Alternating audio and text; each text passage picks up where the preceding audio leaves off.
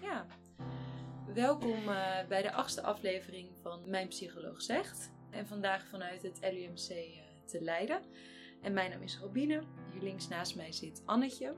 Mijn Psycholoog Zegt is een auditieve expeditie waarin wij uh, twee startende jonge psychologen in gesprek gaan met inspirerende personen uit ons vakgebied met vragen en thema's waar wij graag wat meer over willen weten. En we proberen hier een soort openbaar werkboek mee te bereiken voor onszelf en eventuele andere geïnteresseerden. En uh, vandaag is het thema het inzetten van een nieuwere medicatie in uh, behandeling. En uh, onder nieuwere medicatie vallen bijvoorbeeld MDMA, maar ook LSD, die onder andere bij traumabehandelingen ingezet worden. En aan de rechterkant naast mij uh, zit bijzonder hoogleraar en psychiater Erik Vermette. En die leidt ook de Nederlandse onderzoeksgroep naar uh, MDMA-behandelingen uh, bij getraumatiseerde cliënten. Als psychiater was je tot 1 december verbonden aan de militaire GGZ. En je bent net eigenlijk heb je de overstap gemaakt naar het LUMC in, in Leiden. En ook als onderzoeker was je daarvoor verbonden aan verschillende prominente internationale universiteiten, waaronder ook Yale en Stanford. En je bent ook gepromoveerd op de neurobiologische effecten van posttraumatische stress. Zijn er nog belangrijke zaken die je aan deze introductie toe zou willen voegen? Jazeker. Eén hm. partner uh, die ook heel belangrijk geweest is uh, in, in het kader van de leerstoel, waar je net even naar hm. refereerde, is ARC. vroeger heette dat Centrum 45 en is het nu ARC, Nationaal Psychotraumacentrum. Is in, in Oesgeest en in Diemen. En daar was ik ook heel lang aan verbonden vanuit mijn bijzondere leerstoel. Dank voor deze toevoeging. En, en, werk je nu ook nog met hun samen? Ja, ARC is een heel belangrijke partner waar we veel van de innovatieve studies die je net zo even samenvatten um, bij, uh, bij um, uitvoeren. Oké, okay, dank. Wij stellen altijd van tevoren stellen we twee vragen voordat we het onderwerp induiken. En de eerste vraag is dan ook: wie hebben jou geïnspireerd in je leven? Je werkende leven of persoonlijk leven? Ja, het heeft natuurlijk een persoonlijk raakvlak, maar het heeft me heel erg veel geïnspireerd toen ik, um, toen ik, ik heb fysiotherapie gestudeerd, voordat ik geneeskunde ging studeren. En um, ik was op een of andere manier gefascineerd geraakt uh, door hypnose in mijn psychotherapieopleiding. En dat kwam door iets wat, um, wat ze in de, in de fysiotherapie noemen ze, noemen, hebben ze het over ontspanningsoefeningen. En wij deden ontspanningsoefeningen van een man en die heette Schultz. En Schultz was een man die de autogene training heeft uh, ontwikkeld, uitgevonden. En de autogene training komt eigenlijk uit Duitsland. En dat, uh, dat gaat zoiets als, als volgt: van je doet je ogen dicht en je zegt tegen jezelf: Mijn linkerhand is zwaar, ontspannen en warm. En als je dat drie, vier, vijf keer tegen jezelf zegt, dan gaat die hand zwaar, ontspannen en warm voelen. En dan kun je jezelf aanleren om op die manier gestoefd, dus stapsgewijs, jezelf in een andere staat van bewustzijn uh, leren gaan, uh, begeven. En dat hele veld van hypnose heeft mij eigenlijk gebracht met één man die ik nu ga noemen. En die man die is Milton Erickson. Milton Erickson, wie was die man? Dat was een psychiater.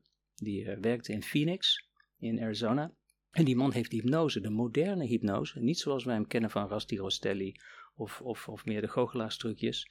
Maar die heeft eigenlijk de hypnose in de, ja, de, de, de psychotherapie en in de psycho, psychiatrie een nieuwe plaats gekregen, gegeven. En wat was nou zo bijzonder aan deze man? Dat hij uh, een prachtige manier had om met taal te spelen. En taal is het vehikel wat wij nu gebruiken, ook in deze podcast, om mensen te boeien. En taal is zo'n mooi instrument. En taal is een instrument op dezelfde manier zoals je het eigenlijk had bij de gestoefde actiefhypnose, dat je je eigen taal gebruikt om op een bepaalde zachte manier je, je, jezelf te kunnen ontspannen.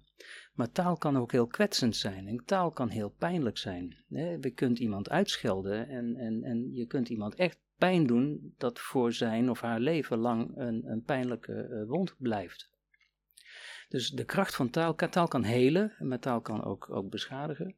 En hij heeft een, een, een naturalistische benadering van hypnose, zo heet zijn uh, uh, perspectief, geïntroduceerd. En um, ik ben heel erg geïnspireerd door die talige benadering van hoe we überhaupt omgaan met gesprekscontacten.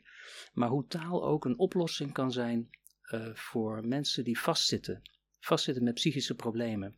En hoe taal hun kan helpen om op een andere manier naar zichzelf te kijken. Door um, bijvoorbeeld zoals een kind. Hè? Als een kind ergens last van heeft, dan vertel je een kind soms een sprookje. En in dat sprookje komt een engeltje en dan komt er een oplossing. En dat kind vertaalt soms een sprookje naar iets wat het voor haarzelf of voor hemzelf kan, kan realiseren.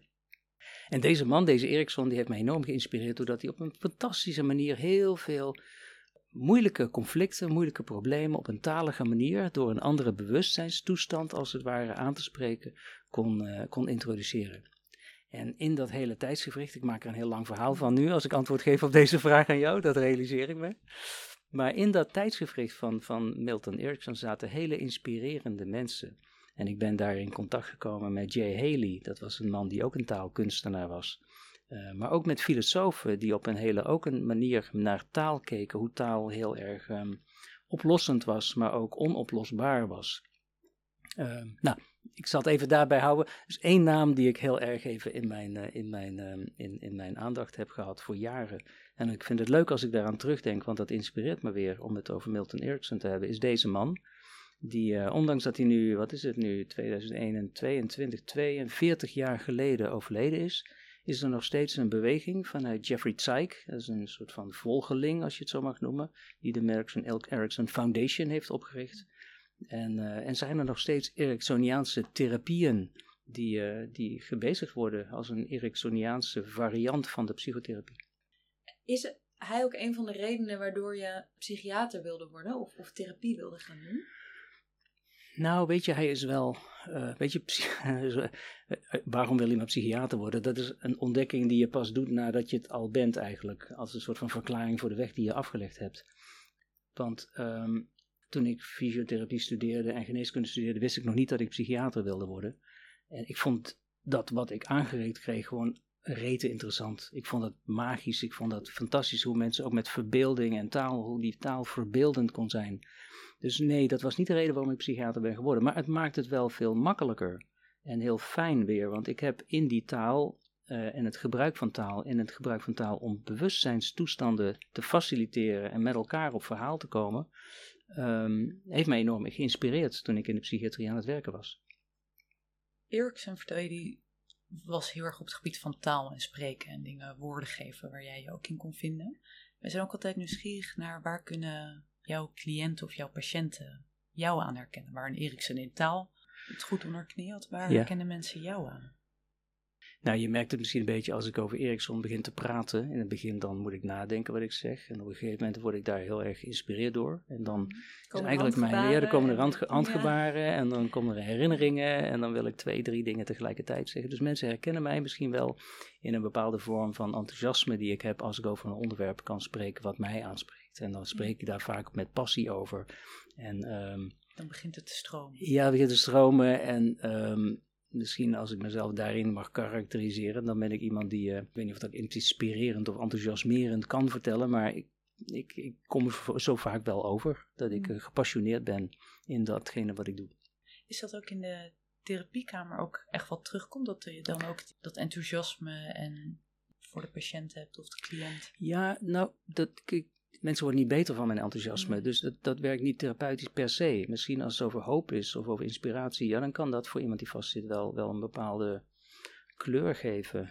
Nee, in, de, in therapeutisch contact denk ik, wat ik geleerd heb is, um, ja, nou weer een andere naam, uh, Kohut is een man die in de psychologie mij heel erg heeft aangesproken als een humanistische uh, stroming.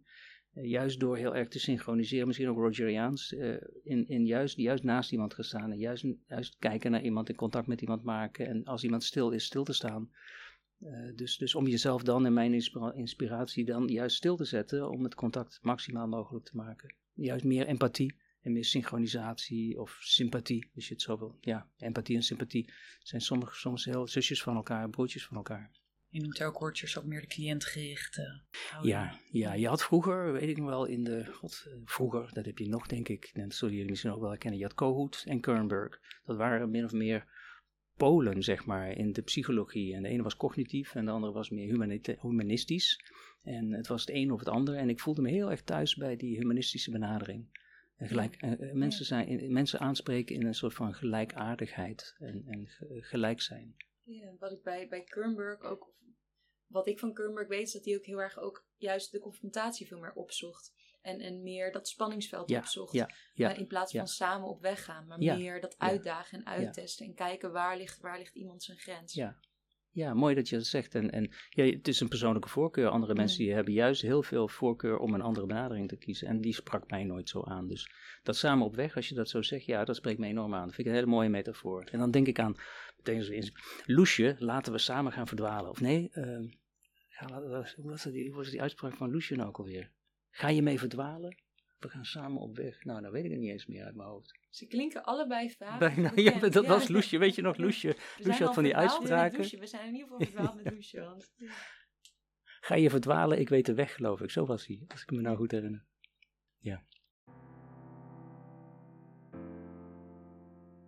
Als we het hebben over, over jouw vakgebied, dan is de, de neurobiologie ook jouw terrein. Wat, wat zijn de neurobiologische eh, effecten van MDMA? Oké. Als we net even de overstap maken Ja. naar het thema, Ja, zo, inderdaad. ja. Nou, even een bruggetje dan, want eh, we hebben het over verdwalen en over Mhm. taal en over Ericsson. En weet je, dat is een strategische keuze die ik in mijn vak gemaakt heb om, als je iets wil in een nieuw vakgebied, de psychotraumatologie voor mij, dan vond ik dat je daar goed neurobiologisch in, in thuis moest zijn. Wilde je geloofwaardig overkomen voor datgene wat je misschien eventueel ook nog wel wil zeggen. Dus ik heb me bewust heel erg eh, geschoold in de neurowetenschappen. Eh, ik vond dat daar een basis moest liggen voor mijn eigen kennisdomein. Nou, daar heb ik jarenlang mezelf in eh, gebezigd. Vond ik ontzettend leuk. Heel veel met hersenwetenschappen en, en neuroimaging en noem maar op. Biologie. Ehm, om uiteindelijk ook, nou ja, uiteindelijk niet om bij de MDMA terecht te komen hoor, maar om wel nu ook die MDMA erg te omarmen als een, eh, als een middel wat eh, ontzettend veel potentie heeft, naar mijn idee, in de hedendaagse psychotraumatologie. Ja, je, noemt hier ook de, de hedendaagse psychotraumatologie, wat een woord. Want kan je ons misschien inderdaad, ik vroeg net naar de neurobiologische effect, maar misschien is het ook wel interessant om een stukje van de geschiedenis te horen. Over hoe de MDMA überhaupt in het veld terecht is gekomen.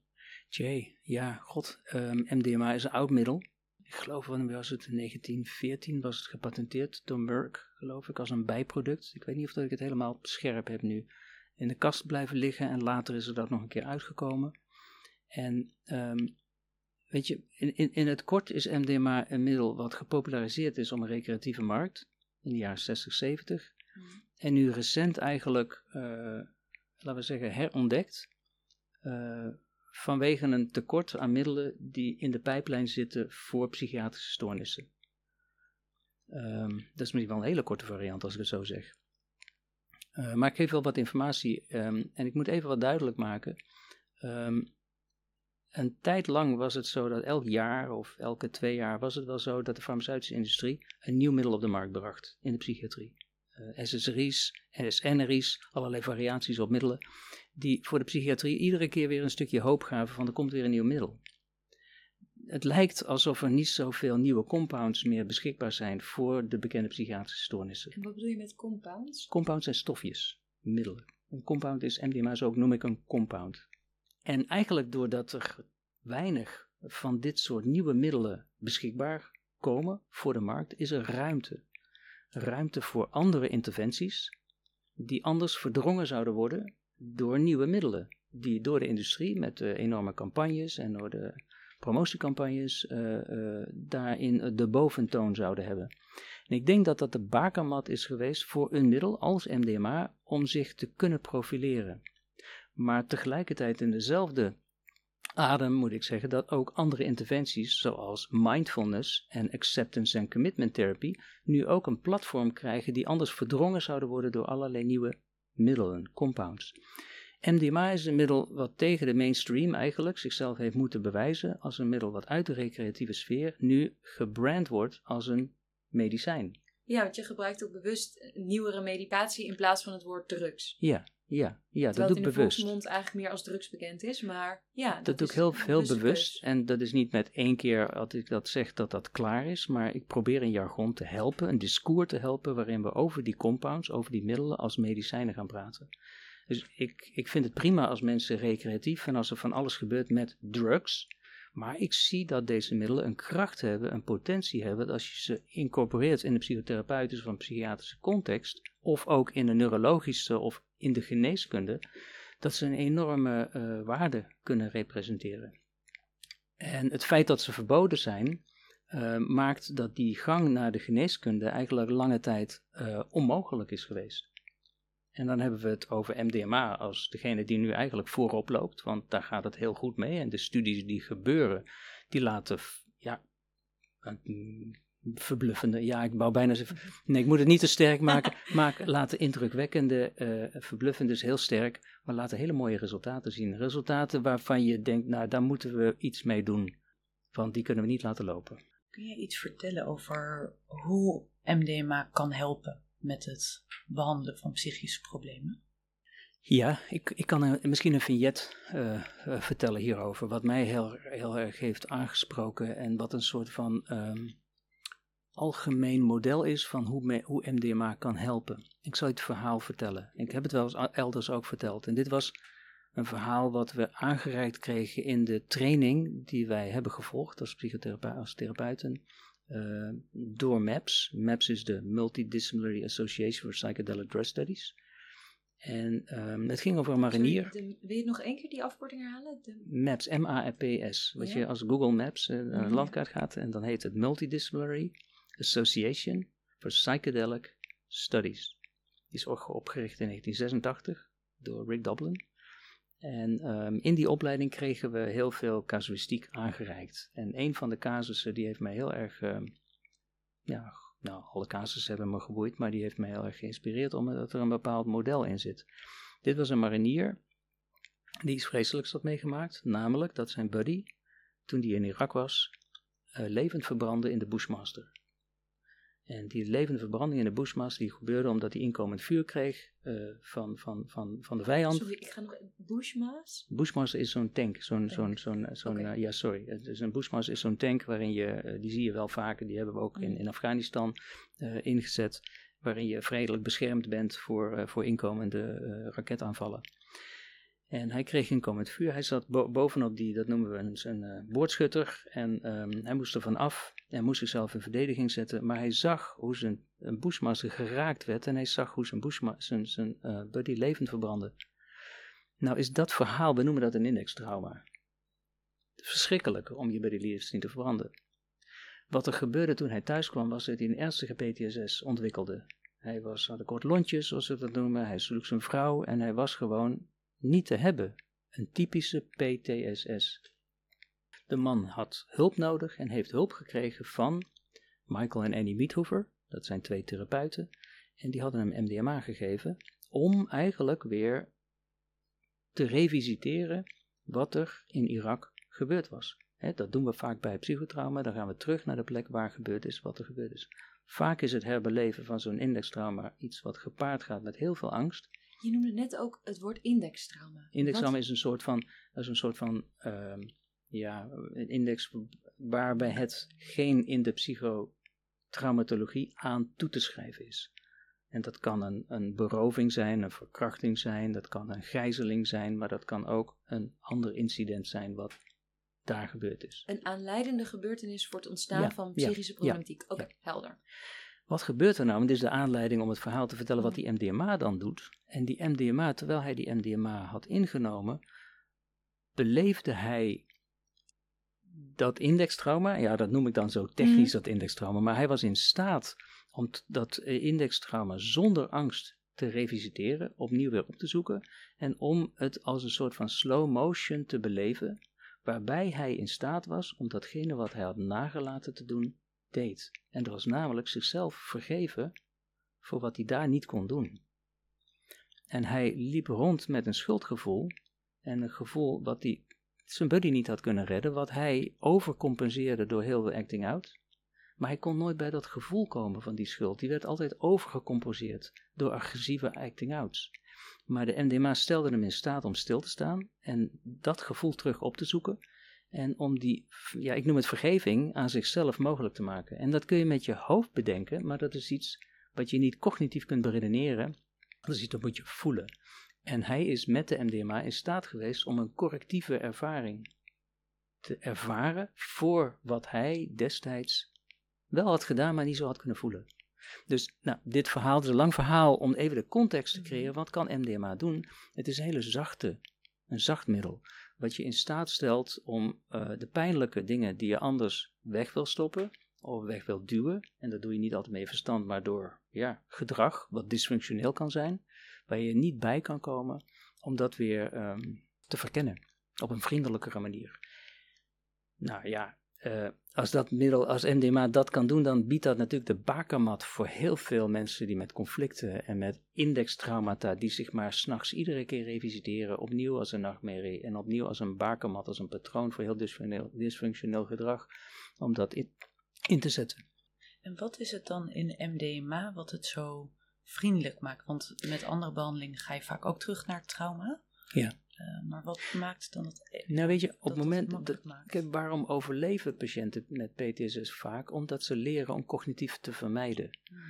Want in de nachtmerrie of in het herbeleven komen, komt vaak de pijn naar voren. Dus je leert om dat te vermijden. Door veel te drinken of door eh, er niet aan te denken. Om, en cognitieve vermijding is een strategie die heel lang kan werken.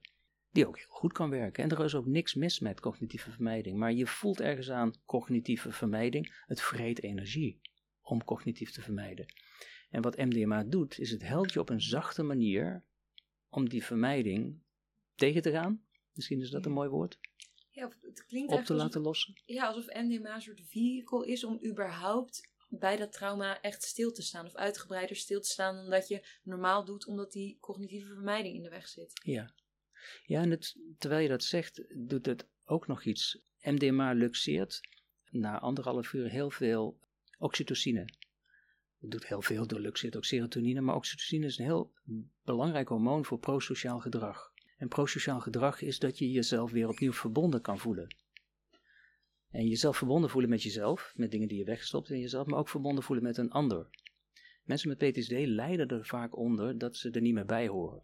Ze horen niet bij, ze hebben geen verbinding. Ik kijk nu naar jullie en hebben het gevoel van, nou, ik doe niet meer mee, of laat me maar met rust, of eh, ik wil hier eigenlijk helemaal niet zijn. MDMA is een middel wat in die zin, door dat prosociale effect van die oxytocine, heel erg verbindend kan werken. En ja, dat biedt eigenlijk een soort van gateway voor een psychotherapeutisch proces, waarin die verbinding opnieuw weer eh, een weg verder kan gezet worden. Oxytocine staat toch ook bekend als het knuffelhormoon? Ja, precies. Dus dan Ja. eigenlijk een beetje jezelf knuffelen. ja, ja je, nou ja, als je, als je nou, als je, als je iemand een Ja. kussen geeft en je stelt voor, nou denk maar dat je dat zelf bent, zeg maar, hou Ja. jezelf maar eens goed vast. Eh, ja, ja, bijna wel. Nee, maar het klopt wat je zegt. Oxytocine is bekend als knuffelhormoon. En oxytocine is een heel belangrijk hormoon, omdat dat op een bepaalde plek in het, in het, in het, in het brein wordt, eh, wordt, wordt gemaakt. En eh, ja, er zit een time window in na MDMA-toediening. Zie je dat dat ongeveer na 90 minuten heel erg eh, piekt. Wat ik, wat ik me dan voorstel is dat met MDMA versus wat ik dan zelf even ken, een EMDR, is dat door onder andere de stoffen die er vrijkomen, dat het makkelijker is om terug te gaan naar trauma en daar op een vriendelijke manier naar te kijken. En je krijgt Ja. ook nog eens een keer door het stofje een extra boost in bepaalde hormonen, het knuffelhormoon, oxytocine, wat je ook weer kan helpen met bepaalde gevoelens ervaren die anders moeilijker zijn om toegang Ja. tot te krijgen. Ja, weet je, wat ik je net vertelde over die marinier met de buddy die levend verbrandde. Het is alsof je een soort correctieve ervaring voor iets wat heel pijnlijk was aan jezelf kan geven. Door er als het ware op een andere manier naar te leren kijken. Dat is een bepaalde benadering in de psychotraumatologie. De, de systematische desensitisatie, zoals vaak bij EMDR ook gebeurt, door vaak iedere keer maar weer totdat het uitdooft. Totdat Mhm. er niet meer is. Dat is een andere benadering. Dus iedere keer maar weer opzoeken totdat de pijn er niet meer is. Of dat de, de score, hè, de, de, de pijnlijke, de SUT-score, zo Ja. noemen we dat dan weer, dat die omlaag gaat en dat die er niet meer is. En dat kan met EMDR, dat is een benaderde manier, dat is een benadering, die kan ook heel goed werken. Dat weten we ook, dat die soms ook heel bijzonder effectief is. Maar ja, we weten ook dat het niet altijd werkt. En daar komen de nieuwe geneesmiddelen. Ja, kijk, MDMA is niet wat je als eerste lijns interventie zou gaan neerzetten. Van meteen beginnen met MDMA. MDMA is een middel wat je eventueel, zo zou ik dat in de toekomst denk ik zien, dat het een plaats zou kunnen gaan krijgen voor die interventies, voor, sorry, voor die eh, eh, situaties waarin andere interventies niet effectief zijn geweest. Je noemde net hè, van ehm, dat nemen van MDMA, vooral voor mensen die zich meer, getraumatiseerde mensen die zich meer afsluiten, dat het niet alleen helpend kan zijn om mensen meer te verbinden met zichzelf, maar ook uh, meer te verbinden met de therapeut. Ja. Dat is in het moment dat iemand dat, uh, tot zich, dat middel tot zich genomen heeft, is het ook zo dat dat moment ook op een later moment nog effect heeft. Ik weet niet of het een heldere vraag is, maar als iemand jarenlang dat gevoel van verbondenheid niet heeft ervaren en hij voelt of zij voelt dat gevoel van verbondenheid, dan, dan is dat een soort startpunt om vanuit daar verder te durven genezen en verder te durven herstellen. En dat kan in die spreekkamer of in die therapiekamer met de therapeut en met zichzelf. Maar natuurlijk daar, het gaat dan juist erom om te kijken in hoeverre die verbinding ook daarbuiten gerealiseerd kan worden. Het is niet zo dat het dan klaar is. Nee, het zou, MDMA is een katalysator voor zo'n proces waarin die verbinding weer er mag zijn. Uh, ja, die forgiveness, die vergeving naar jezelf, een, een soort van entry point kan zijn voor verdere ontwikkeling en verdere groei. Ja, en je weet, die katalysator die het is, heeft zijn tijd nodig. En ook zijn, daarna is therapie eigenlijk weer op een nieuwe fase gekomen, waarin er een andere dimensie of een andere kleur gegeven kan worden aan het therapeutische proces daarna. Is het dan ook zo dat je dus in het onderzoek wat er gedaan is, dat het aan het begin van de behandeling en daarna dan ook frequent wordt gegeven? Of ik zit te denken dat het een soort halverwege de behandeling, aan het eind van de behandeling. Ja, ik vind het een hele goede vraag. Nee maar, dat, nee, maar weet je, dat weten we ook nog niet precies. Het gaat er nu om, hoofdzakelijk, er is een behoefte, er is een strategie om MDMA geregistreerd te krijgen met de psychotherapie die het ondersteunt uh, voor de behandeling van PTSS. Daar worden nu heel veel studies op gedaan om de FDA en de EMA die data aan te leveren dat het geregistreerd is. Zodat we dan deze vraag die jij nu stelt van ja, hoe gaan we dat nou uiteindelijk in dat proces inzetten? Voorin of als een katalysator in een vastzittend proces? Ja, dat weten we nog niet precies. Maar als die registratie er is, dan kunnen we daar veel beter naar gaan kijken. Zijn er al middelen geregistreerd als medicatie voor psychische stoornis in de, in de wat we voorheen drugs noemden hoek? Ja, dat is ook, ook weer vraag. Nee, ja, ja, wel. Er zijn er twee. En dat is paroxetine en sertraline. Dat zijn SSRI's, serotonerge reuptake inhibitors. Als je nou zou vragen, of ik stel de vraag maar, wanneer zijn die geregistreerd voor de behandeling van PTSS? In 2000 en in 2001. Dus dat is 20 jaar geleden. Twintig jaar geleden zijn er dus twee middelen voor een stoornis die best prevalent is, die vaak voorkomt, zijn er geregistreerd. De jaren daarna geen enkele. Dus het, je zou kunnen zeggen, dan wordt het wel weer eens tijd dat er een middel verdient om geregistreerd te gaan worden. En dan is MDMA is na 20 jaar misschien de eerste die in die context van die MDMA geassisteerde psychotherapie de derde wordt die de registratie gaat krijgen. En dat is dan echt gericht op PTSS? Ja, precies. Het SSRI's ken ik eigenlijk vooral uit depressiebehandelingen. Klopt. Hier heb je hetzelfde voorbeeld. Die middelen die zijn geregistreerd voor de behandeling van depressie. SSRI's, de SSRI's serotonine en paroxetine zijn dan ook geïndiceerd voor de behandeling van PTSS. We gebruiken wel vaker andere SSRI's, ook voor de behandeling van PTSS, omdat, dat noemen we dan off-label gebruik, omdat ze ook werken.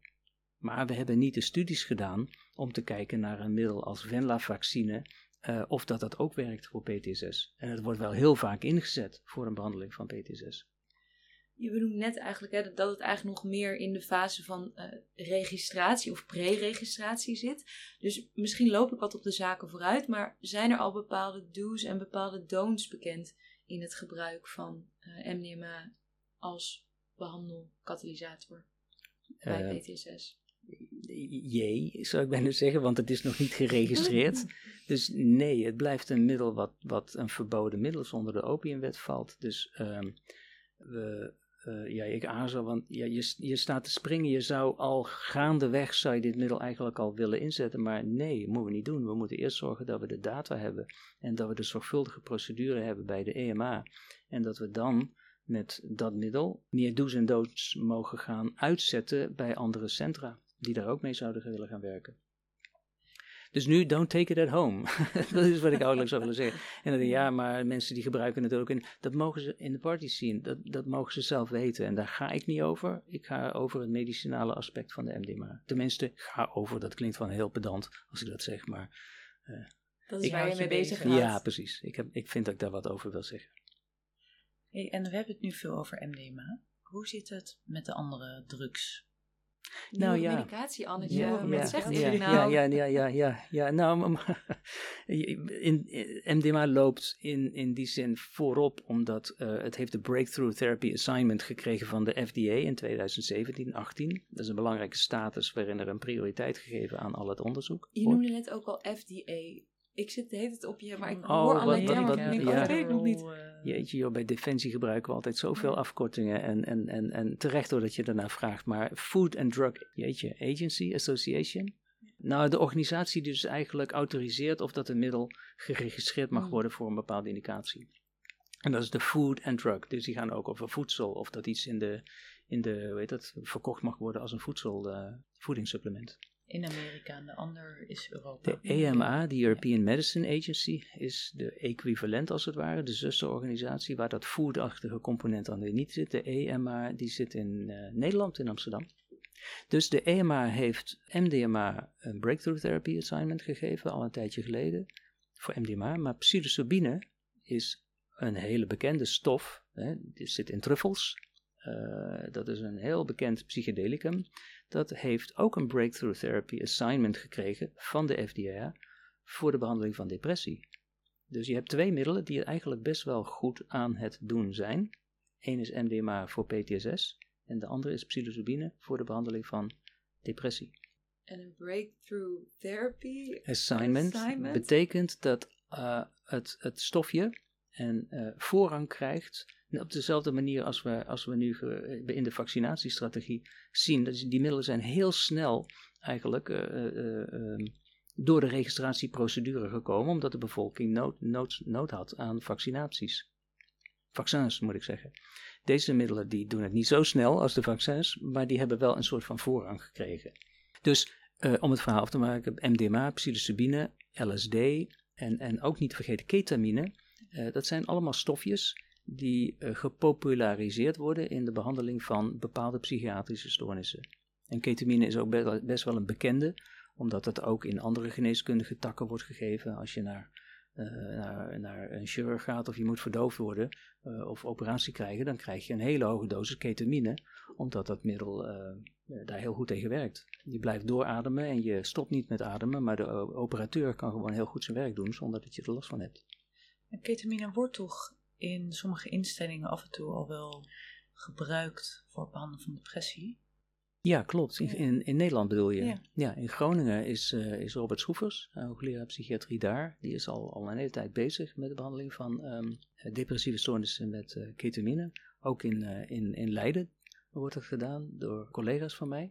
Die ketamine onderzoeken van hoe effectief is dat nou bij, bij, bij, welke, bij welke vormen van depressie. En hoe moet je het dan geven? Want je moet niet zoveel geven dat iemand uh, helemaal kassiwijlen is. Uh, ja, tenminste, dat denken we niet. Uh, dus ja, ketamine is een stof die, die bij behandeling van depressieve stoornissen wel al vaker wordt ingezet. Nu vroeg Robin net ook een beetje naar de do's en don'ts, maar als we het naar het hele geheel van nieuwe geneesmiddelen kijken, er zit ook wat weerstand bij mensen of wat angst.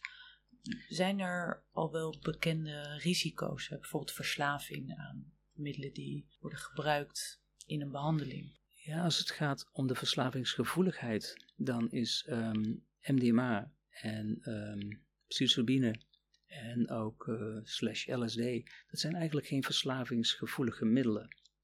Uh, daar raak je niet zo gauw verslaafd aan. Dat risico is heel erg klein.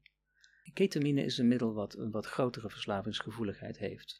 Dus dat wil zeggen dat je de neiging hebt om het vaker in te zetten en vaker te gebruiken. Dat is eigenlijk het eerste wat in me opkomt als je vraagt naar verslavingsgevoeligheid. Ja, de risico's zijn altijd wat mijn grootmoeder altijd zei: nooit te veel. Nooit te veel. Als jij een fles whisky in één keer achterop drinkt, achter, achterover slaat, dan is het ook niet goed voor je lever en niet voor, je, voor alles niet. Dus uh, niet te veel MDMA. En mensen die in de party scene allerlei middelen nemen, niet te veel, want dat is niet goed. En, en daar maken Trimbos Instituut en andere, bijvoorbeeld wat er in de party scene allemaal gebeurt met dit soort middelen, zich uh, terecht heel, heel, heel veel zorgen over. Als je hoort dat er doseringen MDMA worden gebruikt van, van 300 milligram of meer, ja, dat is gewoon niet goed. Zoals onderzocht en voorgeschreven zou het veilig gebruikt kunnen worden, maar de dosering en de ja. mate is daar belangrijk. Ja, ja, ja. En daar zijn we natuurlijk met deze doserings, met deze uh, uh, registratiestudies ook heel, heel gewiekst op. Van het, het, het, middel moet goed, goed zijn. Het moet, dat noemen we GMP. Dat is weer zo'n afkorting. Hè? Dat ja, je good, kijkt al naar mij, good, anders begin ik weer te piepen good, good medical product. Een product is wat, wat ook um, gecontroleerd is. Dat erin zit wat erop staat, zeg maar. En dat moet farmaceutisch getest worden. Um, en, en dat het in een dosering gegeven wordt die uiteindelijk effectief is. En niet te weinig, maar ook niet te veel is. Dus die een bandbreedte luxeert die je voor dat therapeutisch proces nodig hebt. Nu vertel je eigenlijk ook dat, je, dat het onderzoek ook loopt naar wat, is een juiste dosering, hoe zetten we het in. Tenminste, dat, dan lopen we eigenlijk weer een beetje op de zaken vooruit. Maar ik kan me ook voorstellen dat er ook een proces van theorievorming nu gaande is. Hè, van wat zijn nou uh, de effecten daarvan. Um, in mijn omgeving zijn er meerdere mensen die uh, het boek van Verruim je geest van uh, de journalist Michael ja. uh, ja. gelezen hebben en die dat ook getipt hebben. En daarin schrijft hij eigenlijk ook over het effect van verruimende middelen of psychedelica of de nieuwere medicatie, hoe je het noemen wilt. En hij spreekt eigenlijk ook heel erg over het concept van loskomen van je ego. en dat dat eigenlijk mm -hmm. maakt dat er een soort persoonlijke groei mogelijk is en Um, ik link dat nu een beetje aan wat je net vertelde van bijvoorbeeld dat, dat jezelf kunnen vergeven. Dat je eigenlijk loskomt van bepaalde cognitieve structuren en eigenlijk meer ongecontroleerdere en, en vrijere gedachten hebt. Maar ik ben eigenlijk nieuwsgierig uh, of dit stukje theorievorming ook bij jullie gaande is of dat jullie daar andere visies op hebben. Ja, we hebben in Leiden hebben wij een journal club. Uh, nu sinds COVID gestart. Dat op vrijdagmorgen om 9 uur komen we met elkaar bij, elkaar via Zoom. En dan refereren wij uh, papers die, die gepubliceerd zijn. En dan bekijken we die heel kritisch. Om ook een soort van theoretisch model te ontwikkelen. Van waar gaat dit allemaal nu over en wat betekent dit? En, en hoe meet je nou het effect van zo'n psychedelisch middel? En um, een mystieke toestand, wat is dat precies? En, en en nog een woord wat, wat, wat, wat ik wil, wil, wil noemen, ineffability. Dat woord dat was helemaal niet in mijn jargon. Ineffability betekent dat iets is waar je eigenlijk geen woorden voor hebt. Dat is vaak een psychedelische toestand, die kun je niet uitleggen. Dat is ineffable. Um, maar ook, ja, dus meer van dat jargon. Wat is dat precies? Hoe meet je dat? Ineffability en mystical en ego, egoless. Uh, ja, ik, vond het zo, ik las het ook en ik vond het zo moeilijk om te duiden van wat is dat dan precies. En eigenlijk dus in zijn conclusie vond ik het nog steeds ongrijpbaar voelen. Ja, maar misschien is het dat ook wel. Eh, precies wat je zegt, misschien is het ook wel ongrijpbaar. En ja, nou dat fascineert mij wel. Wat is dat dan dat ongrijpbaar is? Uh, bijna ook een woordspelletje, hè? wat is ongrijpbaar? Dus als je het vastpakt is het een stukje zeep, dat het als het ware, dan moet je het ook niet vast willen pakken, dan moet je het alleen op je hand willen leggen. Dan is het er wel. Nou, um, dus we kijken naar, naar die theoretische modelvorming, het zo maar te zeggen, en uh, hoe anderen in de literatuur daarover spreken. Soms worden dingen gepubliceerd die, uh, ja, die, niet zo goed zijn, maar andere zijn pareltjes en ontdek je hele mooie dingen. Maar ook om dat met elkaar te doen, om daar samen met elkaar, met studenten, masterstudenten, promovendi, nou gewoon uh, naar te kijken en dat jargon te ontwikkelen.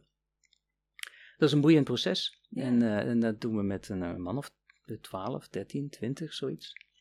Wat, wat, wat zie je als de toekomst van, van dit, dit onderzoeksveld en dit veld? Ja, um, goed, ik, eh, wat ik als de toekomst zie is dat deze middelen op een, um, noem het, gecontroleerde manier mogen worden ingezet. Um, en dat, dat is eigenlijk het hoogste doel, dat ze mogen worden ingezet. Want nu mag het alleen underground, stiekem ergens, en dat gebeurt misschien ook wel ergens, en daar wordt niet over gesproken, maar het wordt wel gedaan. Daar helpen we niet echt mee. Dus het moet op een betere manier worden ingezet. En weet je, ik, ik, ik appelleer bij in die toekomst aan iets wat ik bij mezelf heb bemerkt, en dat vind ik een soort van um, een moreel bewustzijn. En wat bedoel ik daarmee? Als je een middel hebt wat je denkt dat in potentie heel goed kan zijn, maar je mag het nog niet inzetten omdat het nog niet door de hoepeltjes is gesprongen, zo zeg maar dan maar. Dus laten we nou eerst zorgen dat die middelen mogen worden ingezet, dat we goede mensen hebben die er op een vakkundige manier mee mogen werken, in een aantal centra in Nederland, voor mijn part in Groningen, in Leiden, in nog ergens, mogen academische centra zijn, maar ook niet. Zodat we over een jaar of vijf, zes um, dat moreel bewustzijn naar mensen die echt lijden en die echt vastzitten. En die suicidaliteit die is vaak enorm schrijnend voor mensen die geen uitweg meer zien. Uh, en ik zie het in de spreekkamer, want ik heb met militairen, met veteranen gewerkt, voor wie dat soms een verschrikkelijke strijd is. Die ook op de partners en ook op de kinderen gaat. En dan voel je van, ja, maar we hebben een middel. We kunnen het veel zachter maken. Ja, dan voel ik dat in mezelf, die passie weer worden. En kom op, laten we met z'n allen die studies doen. Want dan kun je die mensen die, die heling geven. Ja, heling is ook zo'n woord. Maar die genezing faciliteren die, eh, die ze gewoon verdienen. Omdat je weet, er is een kans dat je niet uh, uiteindelijk aan die klif en over die klif moet gaan springen. Maar dat je weer die verbinding zoekt met je, met je partner of met de mensen die ertoe doen. Dus ik, concreet beeld van de toekomst, nee, maar die reis naar dat stukje, ja, die fascineert en ik denk dat we die moeten doen. En dat daar, ja, nu een beweging voor gaande is die, uh, vijf jaar geleden dachten we nog van, oké, eh, wie weet, maar nu gaan er, nu, gaan, nu, nu krijgt het echt vorm. Ja, dus ik geloof ook echt dat dit gaat gebeuren. Als je het zo vertelt, klinkt het al Klinkt het al bijna dichtbij. Alsof het er bijna is. Zo is het nog niet hoor. Ja. We moeten nog even. Ja, we moeten nog even. Nee, de studies moeten gedaan Maar je, weet je, je moet ergens beginnen. Je moet met een team beginnen. En het gaat niet om Erik Vermette die ergens enthousiast over is. En dat mag. Maar, maar dat je die inspiratie aan anderen kan doorgeven. En die uiteindelijk in dat therapeutische proces ook geïnspireerd worden. Die dan, die dan zien van, oh ja, oh ja, zo kan het werken. Dit gaat eigenlijk heel erg over wat je het veld zou willen meegeven. En wat je voor je ziet binnen het veld. Wat, wat, wat zou je aan jonge psychologen uh, of jonge psychiaters mee willen geven? Ja, de, de, dit, dit wat ik vertel, die, die leeropenheid die ik zo heb ervaren toen ik over autogene training sprak. Hè, van, oh, dat wauw-gevoel. Want dan ben je, als je 21 bent dan, en je krijgt een college, dus, dus die leeropenheid. Maar vooral dat er, ik zou hun wel meegeven dat ze in de gelegenheid worden gesteld om hier kennis mee te maken met dit, met dit kennisdomein. Dus ik voel een soort van verplichting dat wij als wat oudere garde uh, deze, deze kennis hen moeten aanreiken. En zij hebben de leeropenheid, dat geloof ik. Als je 1,22 bent, dan zeg je, nou leer het mij maar. Vertel me nou maar wat het vigerend paradigma is en hoe het zou kunnen werken. Dus wat ik zou mee willen meegeven, of meegeven, leer open zijn. openstaan voor nieuwe, nieuwe oplossingen. Ik, ik ben al wat ouder, maar um, ik heb die momenten gehad dat ik geïnspireerd werd door Milton Erickson. En dacht van, ja, dat je hebt wel eens, een, als je een college hebt, hè, dat je dan naar een college luistert en denkt van, wauw, daar wil ik meer van weten. Nou, dat, dat, dat gun ik mensen, dat, dat, ja, dat heb ik een paar keer meegemaakt zo. Um, dat zou ik willen meegeven, sta daar open voor. En, en, en het kan schuren, uh, dat mag, dat, je, dat er ook een conflict van, ja, maar hoe past dat nou, hoe werkt dat nou en hoe zit dat dan? Dat zijn altijd de meest sprankelende momenten. Om daar dan een boek over te lezen en uh, met mensen over te spreken. En dat je er dan een nacht over gaat slapen en denkt, ik kom er niet uit. En dat je dan met mensen gaat praten en uiteindelijk misschien op een journey gaat of een reis gaat. En uh, dat het een heel uh, proces blijkt. Sta open voor nieuwe oplossingen, nieuwe kansen, nieuwe inspiratie.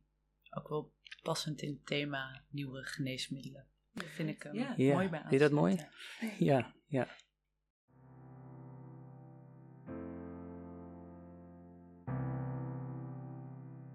We zijn eigenlijk tegen het einde gekomen van de aflevering.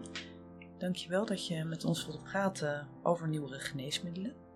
Volgende keer zijn we terug, maar we weten nog niet met wie. Dat is nog een verrassing. Ook. Voor onszelf en voor de gasten. En voor de gasten ook. ja. We hebben al wel wat ideeën, maar we hebben er nog geen werk van gemaakt. Dat komt vast goed. Dankjewel. Graag gedaan. Leuk gesprek, dankjewel.